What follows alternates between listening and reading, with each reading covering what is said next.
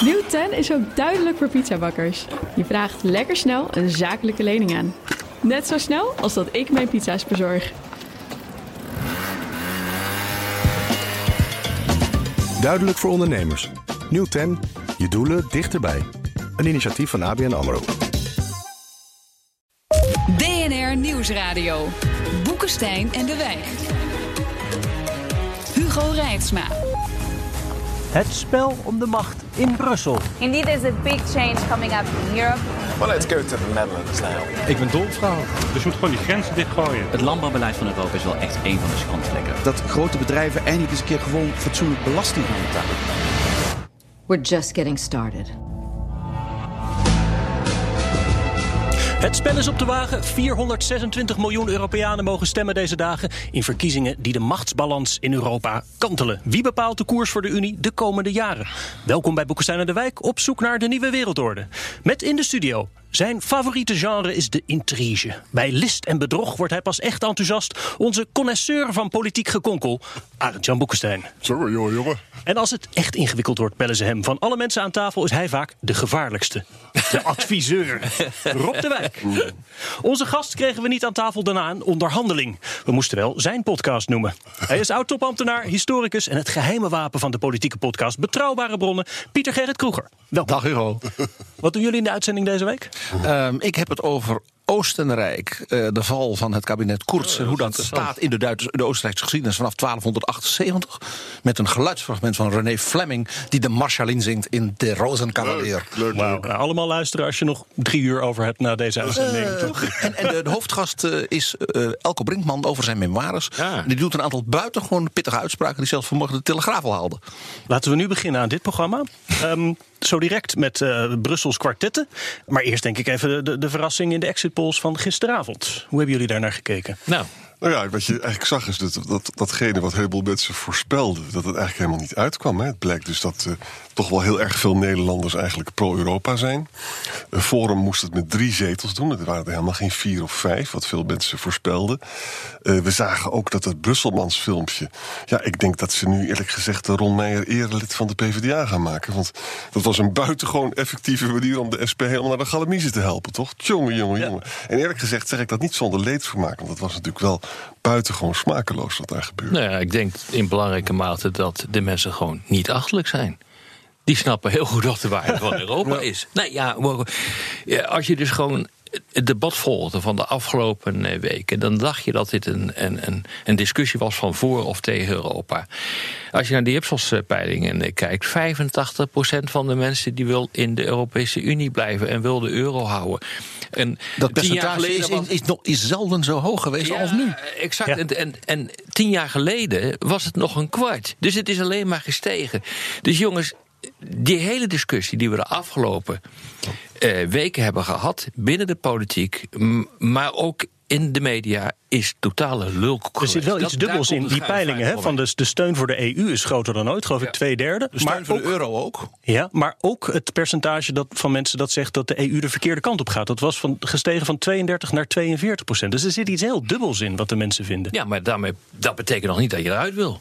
Nee. Nou, ja, ik bedoel, je kunt ook zeggen, in Nederland gaat het ook de verkeerde kant op. Dat hoor je ook continu. Met Nederland gaat het slecht, maar bij mij gaat het goed. Maar dat wil nog niet zeggen dat je Nederland wil afschaffen. Ja, nou, misschien, misschien bedoelen die kiezers die zeggen... wij zijn eigenlijk wat bezorgd over de ontwikkeling van Europa. Ja. Misschien wel dat ze zeggen, dat anti-Europese discours bevalt ons niet. De, de, de Orbans, exact. de Kaczynskis, de gele hesjes, we, we, we, kotsen ervan. Wij willen een positief Europa, een Europa van mevrouw Merkel. En wat ook interessant is, om even een Europese dimensie... ook mensen als mevrouw Le Pen willen dus niet uit de euro tegenwoordig. Hè? Dat dan zijn ze dus, failliet. Ja, dan zijn ze failliet. En dat betekent dus dat in de kringen van Thierry Baudet ook een zekere geestelijke luiheid is. Want die hm. houdt het gewoon het oude verhaal, wordt gewoon steeds herhaald. Terwijl dus ook in het Europese krachtenveld het helemaal niet zo is. Nou, jongens, maar. maar Baudet uh, denkt dat Daniel Hannon. Ja. Dat dat een belangrijke public intellectual is. Ja. Dat is zoiets als je dat een, een buitenlandse correspondent over Nederland zegt: U moet vooral naar Henk Brest luisteren. Ja, dus ja. gifmenger is het ook. Nee, maar wij hebben hier vaker uh, gezegd: hè, van het, het maximumpercentage in alle landen waar gemiddeld populisten en dus ook dit soort uh, geharde uh, Brexiteers en Nexiteers en, en, en op kunnen steunen, is pakweg 20% van de bevolking. Dat is, dat is een, een soort ijzeren gegeven. En het moet wel heel bar en boos worden in een land of met Europa wil dat percentage hoger gaan. Laten we even doorgaan, want we hebben het hier over de Europese verkiezingen. En daarin is eerlijk, is eerlijk Nederland niet zo heel erg belangrijk. Maar er stemde gisteren nog een ander land. Daar geen exit polls, maar wel duidelijk nieuws vanochtend. Ja, uh, uh, May in June, hè? May trade off in June. Ja, ja. ja.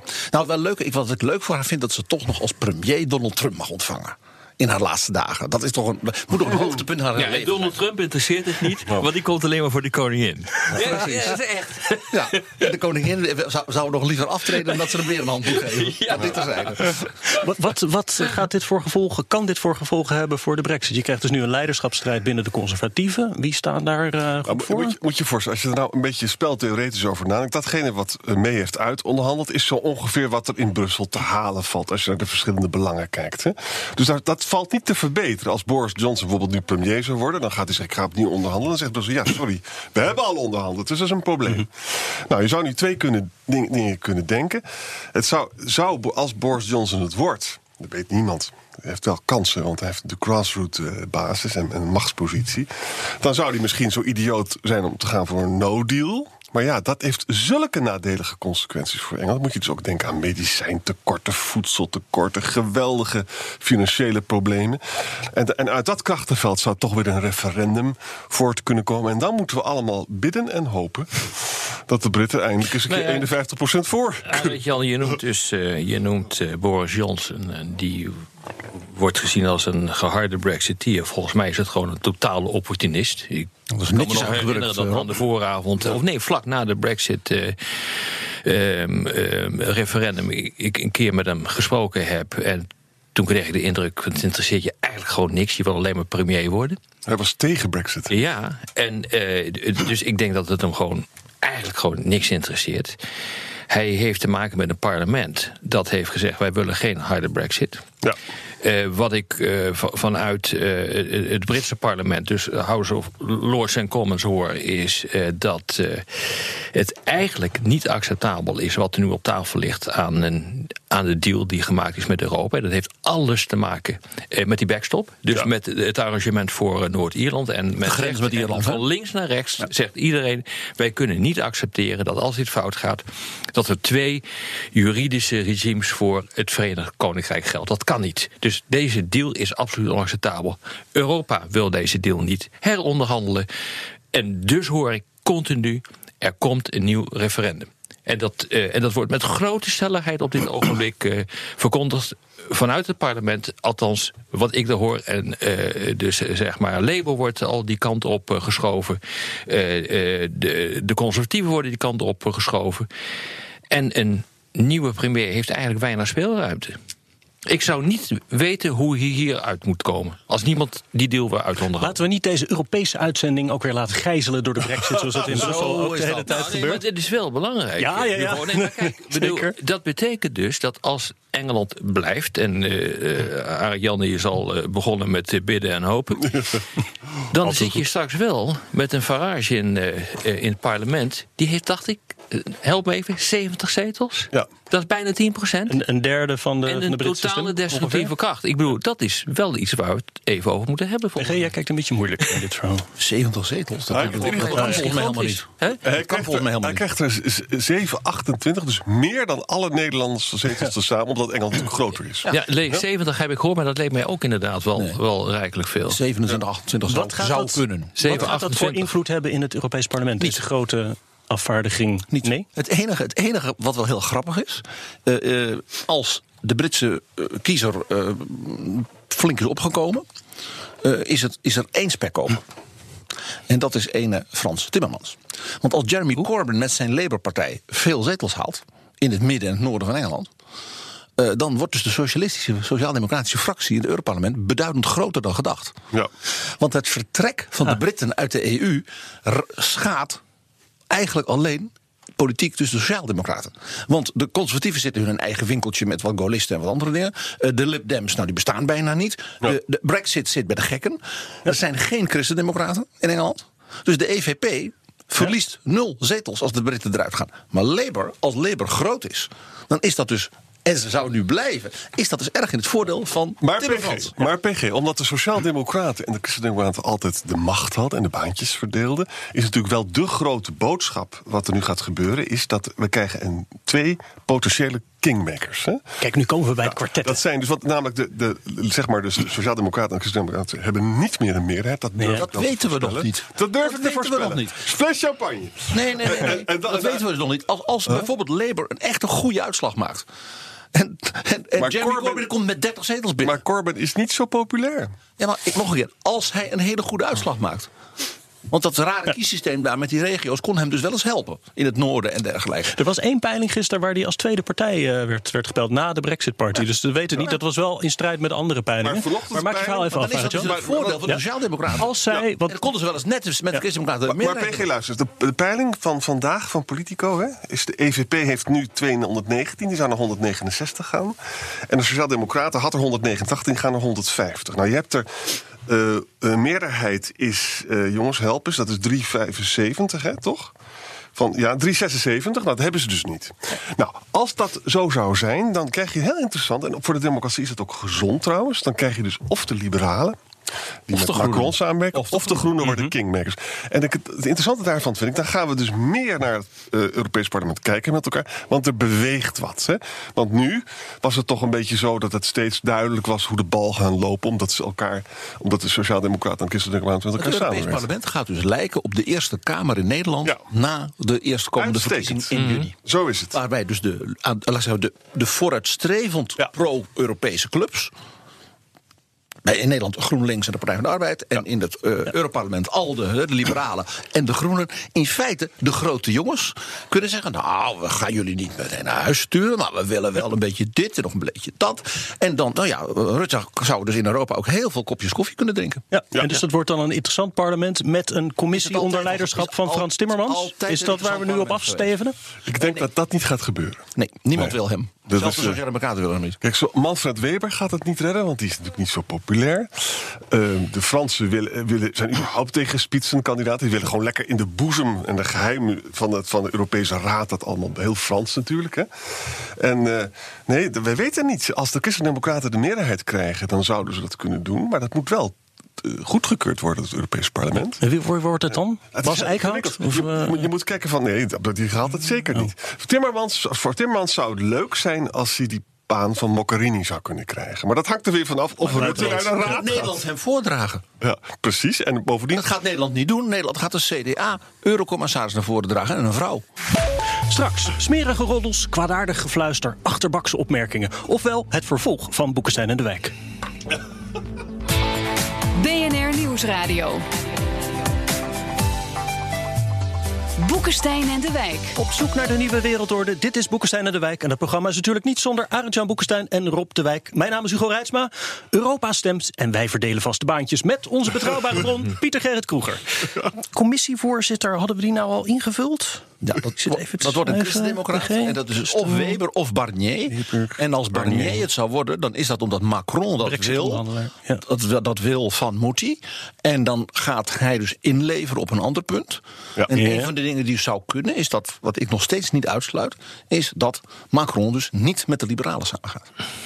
Ja, maar, maar, dat, maar het gekke is, er zijn met de ALDE dus heel interessante dingen gebeurd. Ja. Ik begrijp dus dat eh, eigenlijk bestaat de ALDE niet meer. En dan zijn ze op, opgegaan in de renaissancevloot, niet van Thierry Baudet, maar dat is de naam van Macron die gegeven Die is. andere Macron heeft geëist dat de liberalen zich nooit meer liberalen noemen. Ja. Terwijl dus Macron, als je het heel erg goed op inzoomt, is helemaal niet zo liberaal. Nee, natuurlijk, die is een Fransman. Dat is een Fransman, dus etatistisch, gaullistisch en zo.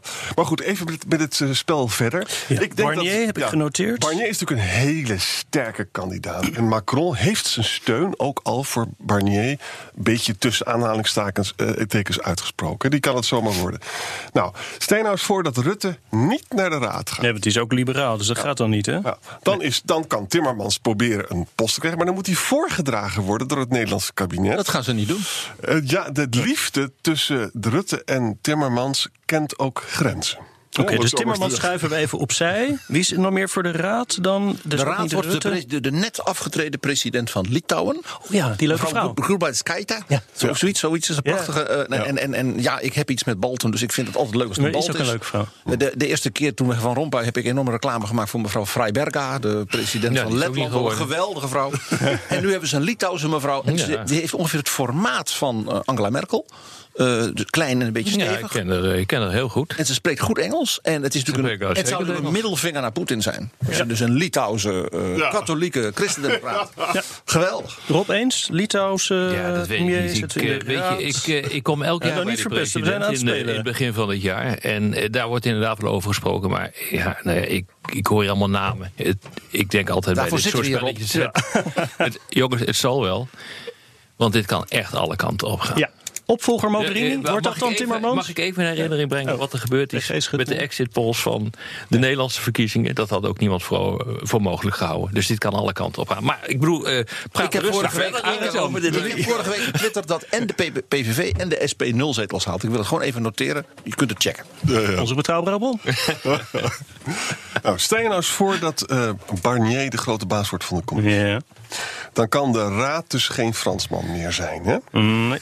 Nou, dan is het die Litouwse kandidaat mogelijk. Maar dat lijkt mij, dan moeten de Duitsers dan wel goed vinden. hè? Dat willen ze ook. Want Ze willen, ja, maar ik weet het niet helemaal of we het uit gaan pakken. Dan hebben we nog Draghi. Wie gaat dat opvolgen? Oh ja, dat zou zomaar, dat Wel zou belangrijk. zomaar Misschien een wel de Nederlander. belangrijkste. Misschien wel de Ja, belangrijkste. ja. Dat, wordt, eh, Jeroen, dat wordt Jeroen Dijsselbloem. Ja. Dat weten we allemaal. Ja, dat zou zomaar kunnen. Zo, dat zal schrikken zijn in Italië. Nee, nee, want eh, Draghi was ook zo eentje. Precies. Hij, hij zit gewoon op de lijn van Draghi. Gematigd, maar wel. eh, ja. En heel interessant, zijn boek over de euro heeft hij dus onlangs gepresenteerd in Athene. Want dat is vertaald. Ja. En hij is daar in alle media geweest. En wat zeggen de Grieken allemaal? Ja, u was misschien wel een beetje een Hollandse boerenpummel. Want zo zijn Hollanders, maar u had natuurlijk wel gelijk. Ja. Dan is hij nu, De Grieken even, zijn volledig dan is hij nu even geparkeerd bij de onderzoeksraad. Dus. Ja, dat stelt, dat stelt niks voor. ECB. Nou, in Nederland voor Nederlandse begrippen wel. Dat is een mooie functie. Ja. Nou, Hebben, hebben we nog meer functies? Zeker. Nog meer voor Hollanders? Nee, nee als Nederland iets Dan- is één baan. En dan zou dat dus Dijsselbloem zijn voor de bank. Ja. Eh, mevrouw Mogherini, eh, dat zal iemand uit Zuid-Europa moeten worden. Ja. En dat moet een, een Zuid-Europese kandidaat zijn... die de, zeg maar, de steun heeft van de Duitsers. Ja. Zoals die Litouwse mevrouw ook de Duitse kandidaat is. En eh, Dijsselbloem is natuurlijk helemaal de Duitse kandidaat. Dat is gewoon de, de, ik zeggen, de, de, het pleegkind van Schäuble. En dan kunnen we nog even praten over de gewone eh, commissieposten voor Nederland. Want daar hebben we natuurlijk ook mogelijkheden. Hè? En dan zegt PG terecht, dat moet dan dus door het Nederlandse kabinet wordt dat besloten. Dus dan moet je de En juiste Weber kleur- dan wel Barnier. Daarvan weten we dat zij zeggen... wij willen de helft van de commissie uit vrouwen. Ja. Dus als Nederland een vrouw naar voren draagt...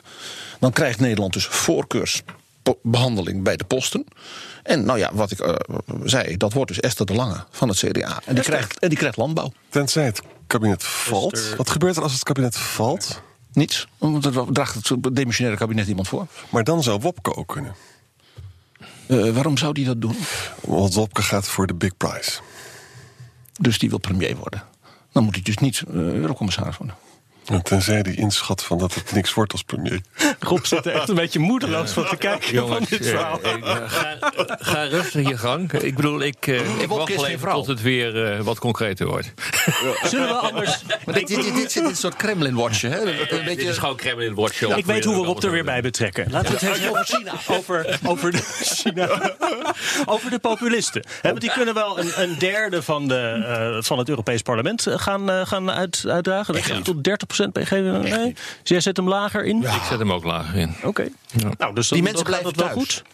Nou ja, kijk, ik bedoel, Gaat die- uitmaken nou in dat Europees parlement, Rob? Dat hangt, er, dat hangt er ook vanaf of die partij, die Brexit-partij van Farage erin komt. Ja, die komt er wel in, maar of dat blijft. eh, Want dan wordt het aantal wel toch wel groter. Ja, maar, maar ze vallen altijd uit elkaar. Ze gaan letterlijk met elkaar op de vuist in, in, vanwege de drank eh, in de gangen van het, eh, het, eh, het, het paleis. Nou, hangt er Brussel. vanaf hoeveel commissievoorzitters of hoeveel voorzitters van de parlementscommissies ze kunnen krijgen. En het voordeel met het populisme, ze zijn twistziek. Zoals jij zegt, ze grijpen elkaar bij de revers. Separatisten. Dat Ze hebben waar. een verschillende houding ten aanzien van Rusland. Ja. Ze hebben een verschillende houding ten aanzien van of Europa helemaal eruit of Europa hervormen. En, en ze zijn links-rechts. Ja, maar aan de andere en kant... kijkt sommigen willen heel veel Europees geld uitgeven. En anderen willen juist heel, heel weinig Europees geld uitgeven. Maar aan de andere kant, als je kijkt naar de Nederlandse politiek, dan hebben ze erg veel voor elkaar gekregen. Want ze zijn wel in staat om het debat in belangrijke mate te sturen. Ja. Ze, ze, ze trekken tegelijkertijd de middenpartijen uit elkaar. En een aantal van hun agendapunten op het gebied van eh, immigratie bijvoorbeeld. Eh, dat wordt in zeer belangrijke mate toch overgenomen door eh, de, gema- gematigde partijen. En dat gaat natuurlijk ook straks gebeuren als het hier in Nederland gebeurt. Met, in een constellatie heel goed vergelijkbaar is met wat er in het Europees Parlement gebeurt. Dan gaat dat ook gebeuren in het Europees Parlement. Dat kan niet anders. Je houdt gewoon zo'n parlement bezig en je ontregelt. Ja. En bijvoorbeeld in de relatie ten aanzien van Rusland, kunnen ze daar. eh, hè, want je ja, kan daar bijvoorbeeld met blokkerende minderheden. Kan je Daar maak ik wel wel zorgen Blokkerende minderheden bestaan alleen in de Europese Raad. Dat is een kletspraatje van meneer Epping en ook van Verage en zo. Er zijn geen blokkerende minderheden in het Europees Parlement. Dat is een zaak van in de Raad. Maar ja, realiseer je dat, is, dat er een aantal landen in Europa zijn waar het hele politieke systeem, dus niet één partij, maar het hele politieke systeem in de richting van Rusland kijkt. Oostenrijk is daar een geweldig voorbeeld van. Het geldt voor Bulgarije, het geldt voor Griekenland, het geldt voor Hongarije, het geldt voor Slowakije. Italië? Dat nou, nu wel, maar traditioneel gezien niet. Maar dit zijn, eh, dit zijn landen, en dat is natuurlijk diep geworteld in het, eh, in het verleden. eh, die de neiging hebben om, om sterk te kijken naar, naar, naar Rusland. Het is ook geen wonder hè, dat, dat, dat, die, eh, dat die Oostenrijkse regering gevallen is over een akkefietje met een zogenaamde Russische investeerder. Ja. Een Russische zakenvrouw. Dat is geen wonder. Dat had nooit een Amerikaan kunnen zijn. Ja. Dat zegt heel veel over het politieke systeem daar. En het interessante is dat de Hongaar Orbán kijkt helemaal naar Moskou. Polen heeft dan weer een iets andere positie. En die kijken ook naar Moskou, maar op een hele andere manier. Ja. Dus Polen en Hongarije, er wordt altijd geroepen, dat Polen en Hongarije, Polen en Hongarije, die zijn het volstrekt niet eens het Polen gaat is om Europa. zo onwaarschijnlijk anti-Rusland. Po- de Ja. Polen en de Balten, die zitten op dat punt. En begrijpelijk, want je zal toch als buurland hebben... Lukashenko's Belarus en Moskou onder leiding van Poetin. Dan zou ik ook bang zijn. Ja, maar de Oostenrijkers zijn niet vergeten dat ze door eh, de Russen zijn bevrijd tijdens de Tweede Wereldoorlog. Ja. Wat ik nou zo interessant vind, we hebben nou gezien bij allerlei eerdere verkiezingen de invloed van Russische trollen en zo. hè. We hebben allemaal Oekraïne-referendum, Brexit, ga zo maar door. Dat betekent dus, dat is mijn veronderstelling, dat dat nu dus ook gebeurt. Hè? Ik, Uiteraard. Bijvoorbeeld in Italië, Salvini, daar zullen ze wel actief zijn. Ik lees er eh, te weinig over, maar we gaan er straks de onderzoeken daarover zien. Maar het is toch wel heel ernstig hè, dat dit soort zaken ook de, echt eh, behoorlijk van buitenaf wordt Nee, bieden. niet, zo- niet zo somber, Arend Jan. Eh, een EU Mythbusters. Eh, een zeer actief Twitter-account heeft dagelijks nog gewoon onthullingen van kijk dit Facebook-dingetje. Ja, dat komt gewoon rechtstreeks uit Sint-Petersburg. Of het is een kopie van een ding wat ze een jaar geleden ook geprobeerd Ja. hebben in Amerika. Eh, dus eh, op dat punt is zijn slim jong volk eh, dat goed is met de computer, zal ik maar Ja. zeggen. Die zijn zeer actief en het zijn misschien wat oudere commentatoren zoals jij, eh, die, die dat- daar, daar, daar allemaal denken. Ja, Het wordt nu echt lelijk. Oh jee. er staat geen stukje in de Frankfurter Allgemeine Zeitung, dus daar wordt geen aandacht aan besteed. PG, nu je toch lekker op Moet eh, het nieuwe parlement en de commissie straks de koers echt verleggen? Dat gevoel heb je een beetje in, in de discussie rond de verkiezingscampagnes. Echt dingen anders gaan doen om eh, burgers die nu afhaken er weer bij te betrekken. Misschien eh, meer uh, Europkie protege, minder vrije markt en open grenzen. We zaten hier vorige week nog met de gele hesjes, waar je natuurlijk dat soort verhalen van hoort. Moeten zij echt iets anders gaan doen? Of zeggen je van nou, recht zo die gaat? Ik zou persoonlijk voor twee dingen pleiten. Eén, Europa moet gewoon zeggen: wij gaan kopgroepen toestaan. Dus landen die iets goed kunnen. Dat ook laten doen met elkaar. Europa Zonder, zonder dat je zegt, dan koppelen we de anderen af. Maar als je bijvoorbeeld als Nederland, met Duitsland en nog één of twee landen, gewoon ontzettend goed met hun astronomie en ruimtevaart. Dan zeg je, doe dat nou, maar laat de anderen niet los. Maar dat anderen er vijf jaar langer over doen. De eurozone is in feite een kopgroep. Laten we er nu mee heen draaien. Sta dat toe, zodat landen het beste wat ze hebben als leider van Europa, dat kan ook een klein landje zijn. Estland op het gebied van digitalisering. 2 miljoen inwoners. Maar laat ze Europa maar leiden. Dat lijkt mij voor een soort positief Europees gevoel heel goed. En het tweede is, Europa moet gewoon zeggen, wij gaan de vergrijzing tegemoet in de arbeidsmarkt. Dat betekent, we gaan Europees regelen, Europese financiering voor leven lang leren. Een soort Erasmus voor werkenden. Ja, maar ik vind het nog steeds onvoldoende. Want we leven in een tijd eh, waarin alles op zijn kop wordt eh, gezet. Wil je mee kunnen komen in die totale mondialisering die op dit ogenblik eh, gaande is, dan zul je je, al, je economie anders moeten inrichten. Het interessante is, dat is niet een zaak in de eerste plaats van Europa, van de Europese Unie, van Brussel. Dat is een zaak van de lidstaten. we hebben het, dat zogenaamde Lissabon-proces hebben we gezien, dat aan het begin van deze eeuw is gestart. Europa moest de grootste techmacht, innovatieve macht van de Mhm. wereld worden. Is niet gebeurd. Waarom niet? Nou, dat lag niet aan Brussel, dat lag aan de lidstaten. En ik vind zo langzamerhand wel dat Brussel een veel belangrijke rol moet gaan spelen.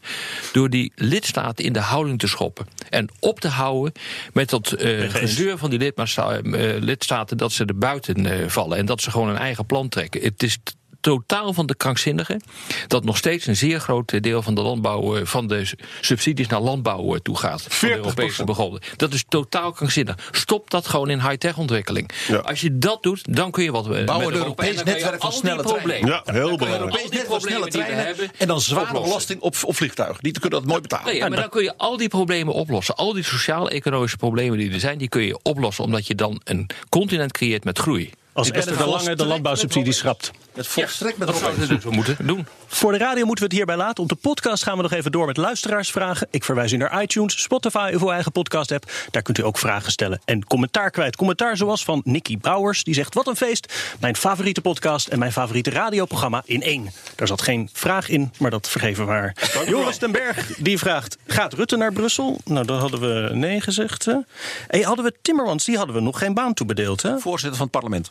Oh, die hadden we ook nog. Parlement, Timmermans. Maar dat wil eh, de grote man van de liberalen, Verhofstadt wil het ook, hè? Ja, maar ja, Verhofstadt wil al jaren zoveel. Kortom, we weten het niet. Nou, volgende vraag. Geert Vermunt. Kan de inrichting van Europa met EP, EC, Europese Raad op termijn niet eenvoudiger Dat worden is nou een leuke vraag. Ik vind dat een hele goede vraag. Wordt Europa zo daadkrachtiger? Nou, het, het is niet zo ingewikkeld. Je hebt, eh, Europa bestaat uit soevereine landen. De staatshoofden en regeringsleiders zitten in de Europese Raad. Dat is de baas van de Europese Unie. Dat gaat erover omdat het een club van soevereine landen is. Dan heb je een uitvoeringsclub, dat is de Europese Commissie. En de hele zaak wordt gecontroleerd door een Europees parlement. Dit is niet zo ingewikkeld. Wat ingewikkeld is, net zoals de Tweede Kamer, is hoe die processen lopen. En al dat gezeven van zo net, eh, over wie het met wie gaat doen in eh, de toekomst, is daar een fantastisch voorbeeld van. Dat, dat is ingewikkeld. Eh, daar, raak, daar je snel eh, de weg in kwijt. En hoe dingen functioneren en waarom iets gebeurt, dat is een ondergrondelijk proces in Nederland en dat is een onder, ondergrondelijk proces in Europa. Maar op zich is de organisatie niet ingewikkeld. Maar, één ding, in Nederland heeft het parlement dus initiatiefrecht en is, bestaat er een echte regering. In Europa is er geen Europese regering. En dus Euro- Europese par- parlementariërs kijken altijd een beetje verdwaasd, want ze zijn op zoek naar een regering die ze willen controleren. Ik zou zeggen, in een federaal model met beperkte bevoegdheden, met een echte Europese regering en een echt Europees parlement die die regering ook naar huis kan sturen, maar ook kan controleren en initiatiefrecht heeft, dat zou nationaal beter te begrijpen zijn. Alleen, ik geloof dat ik een minderheidspositie je hoe je het echt simpel kan maken? Dan moet je een Europese superstaat van maken. Met een Europese regering die gecontroleerd wordt door een Europees parlement. Vol stop. Dat is het. En dat willen we niet. En terecht. En, en, dan, en dan nog een opmerking. Dit is elke Europese verkiezing hetzelfde lulverhaal. Ja. Het is heel ingewikkeld. Het is helemaal niet ingewikkeld. Want de, alsof provinciale staten en gedeputeerde staten... Nou, en de dat is benoeming van de commissaris eenvoudig is. En waarom moeten we elke vier jaar uitleggen hoe het alweer zit... met de Electoral College in de Verenigde Staten? Dat je niet één nationale verkiezing hebt... maar 50 verkiezingen met 50 verschillende kieswetten in Amerika.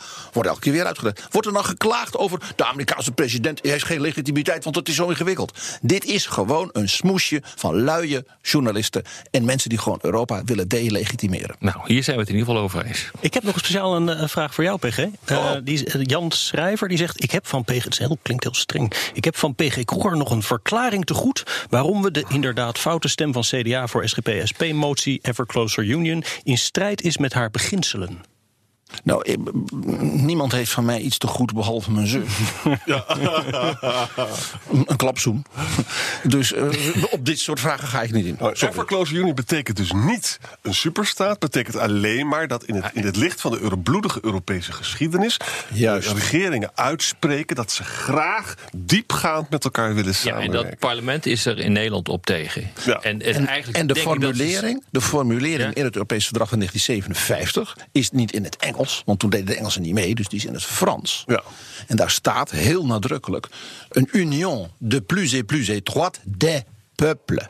Dus een, een een vereniging van volkeren. Van volkeren, ja. En dat is dus heel iets anders. Dat betekent dus bijvoorbeeld inderdaad zoiets als Erasmus. Maar weet je wat het probleem Dat is? die studenten dat elkaar- Closing Union, dat wordt gewoon gezien als een, sta- als een superstaat. Maar dat is het niet. En dat is het niet. Dus dit is gewoon, dit is nou populistische kletskoek, van middenpartijen. En waar CDA en VVD voor hebben Ja. gestemd. Het is een schandaal. Het is een En ik heb dat ook in mijn partij gezegd en dat weet men. En er zijn sommige mensen heel boos op mij geworden. En toen ben ik heel blij dat ze dat zo boos op waren. Duidelijk. Thijs van Welij vraagt: Het Europees Parlement oogt saai, is reactief, want reageert op voorstellen van de Europese Commissie. Wanneer kunnen we een recht van initiatief verwachten? Maar het is helemaal niet saai. Ik zou zeggen, volg die debatten. Dus. Ga er heen. totaal- Ga erheen. Dat is niet saai. Maar ik ben niet tegen Het is net zo onsaai als het Maar Nederlands. ik ben voor een recht van initiatief van het Europees Parlement. Waarom niet? Tuurlijk. Ja. Oh, ik zou het prachtig vinden. Ik mag. nog liever een enquêterecht. Ja, daar kunnen we helemaal onze lol op.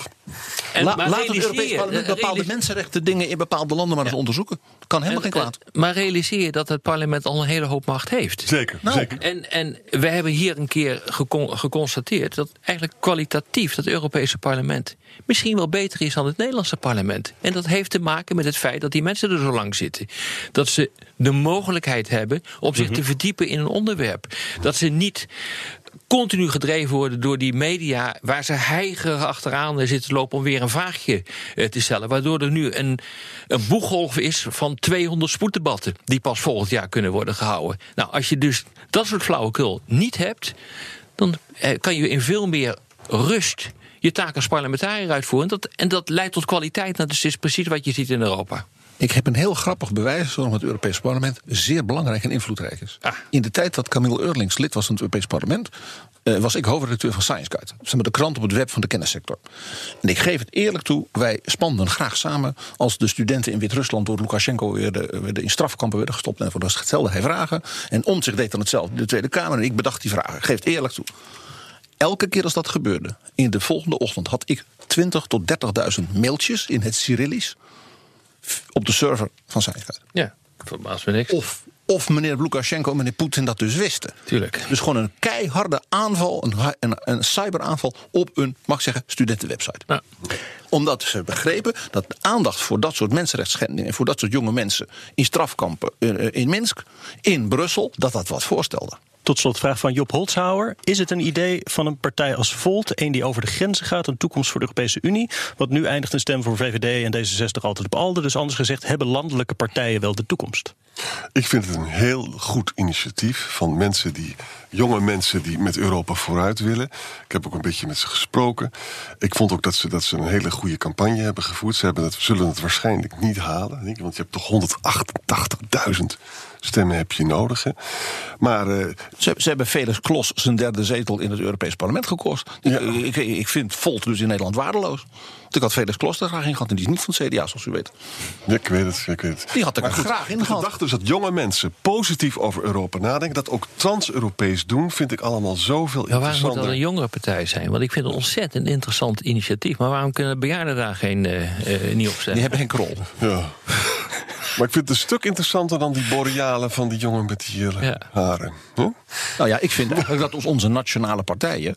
eh, en ik spreek hier dus mijn eigen partij, het CDA, ook toe. Die zouden eigenlijk gewoon echte Europese lijsten moeten hebben. Vind ik ik had ja. op Manfred Weber willen stemmen. Ja. Had ik leuk gevonden. Ja. Of op zo'n Litouwse mevrouw. Nog mooier gevonden. Die en andere banen hebben we dus mooi kunnen verdelen, deze uitzending. Dit was weer Boekenstein aan de Wijk. Ne me quitte Namens. Arend-Jan Boekenstein en Rob de Wijk zeg ik dank voor het luisteren. Speciale dank aan PG Kroeger van Betrouwbare Bronnen. Graag gedaan. Tot volgende week. à te regarder, danser, sourire et à t'écouter chanter et puis rire.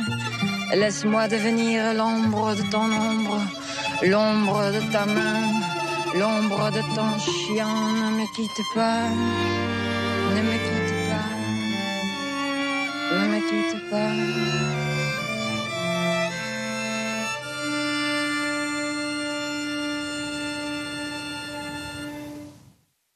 Nieuw 10 is ook duidelijk voor pizzabakkers. Je vraagt lekker snel een zakelijke lening aan.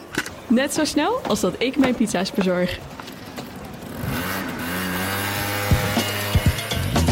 Duidelijk voor ondernemers. Nieuw 10, je doelen dichterbij. Een initiatief van ABN AMRO.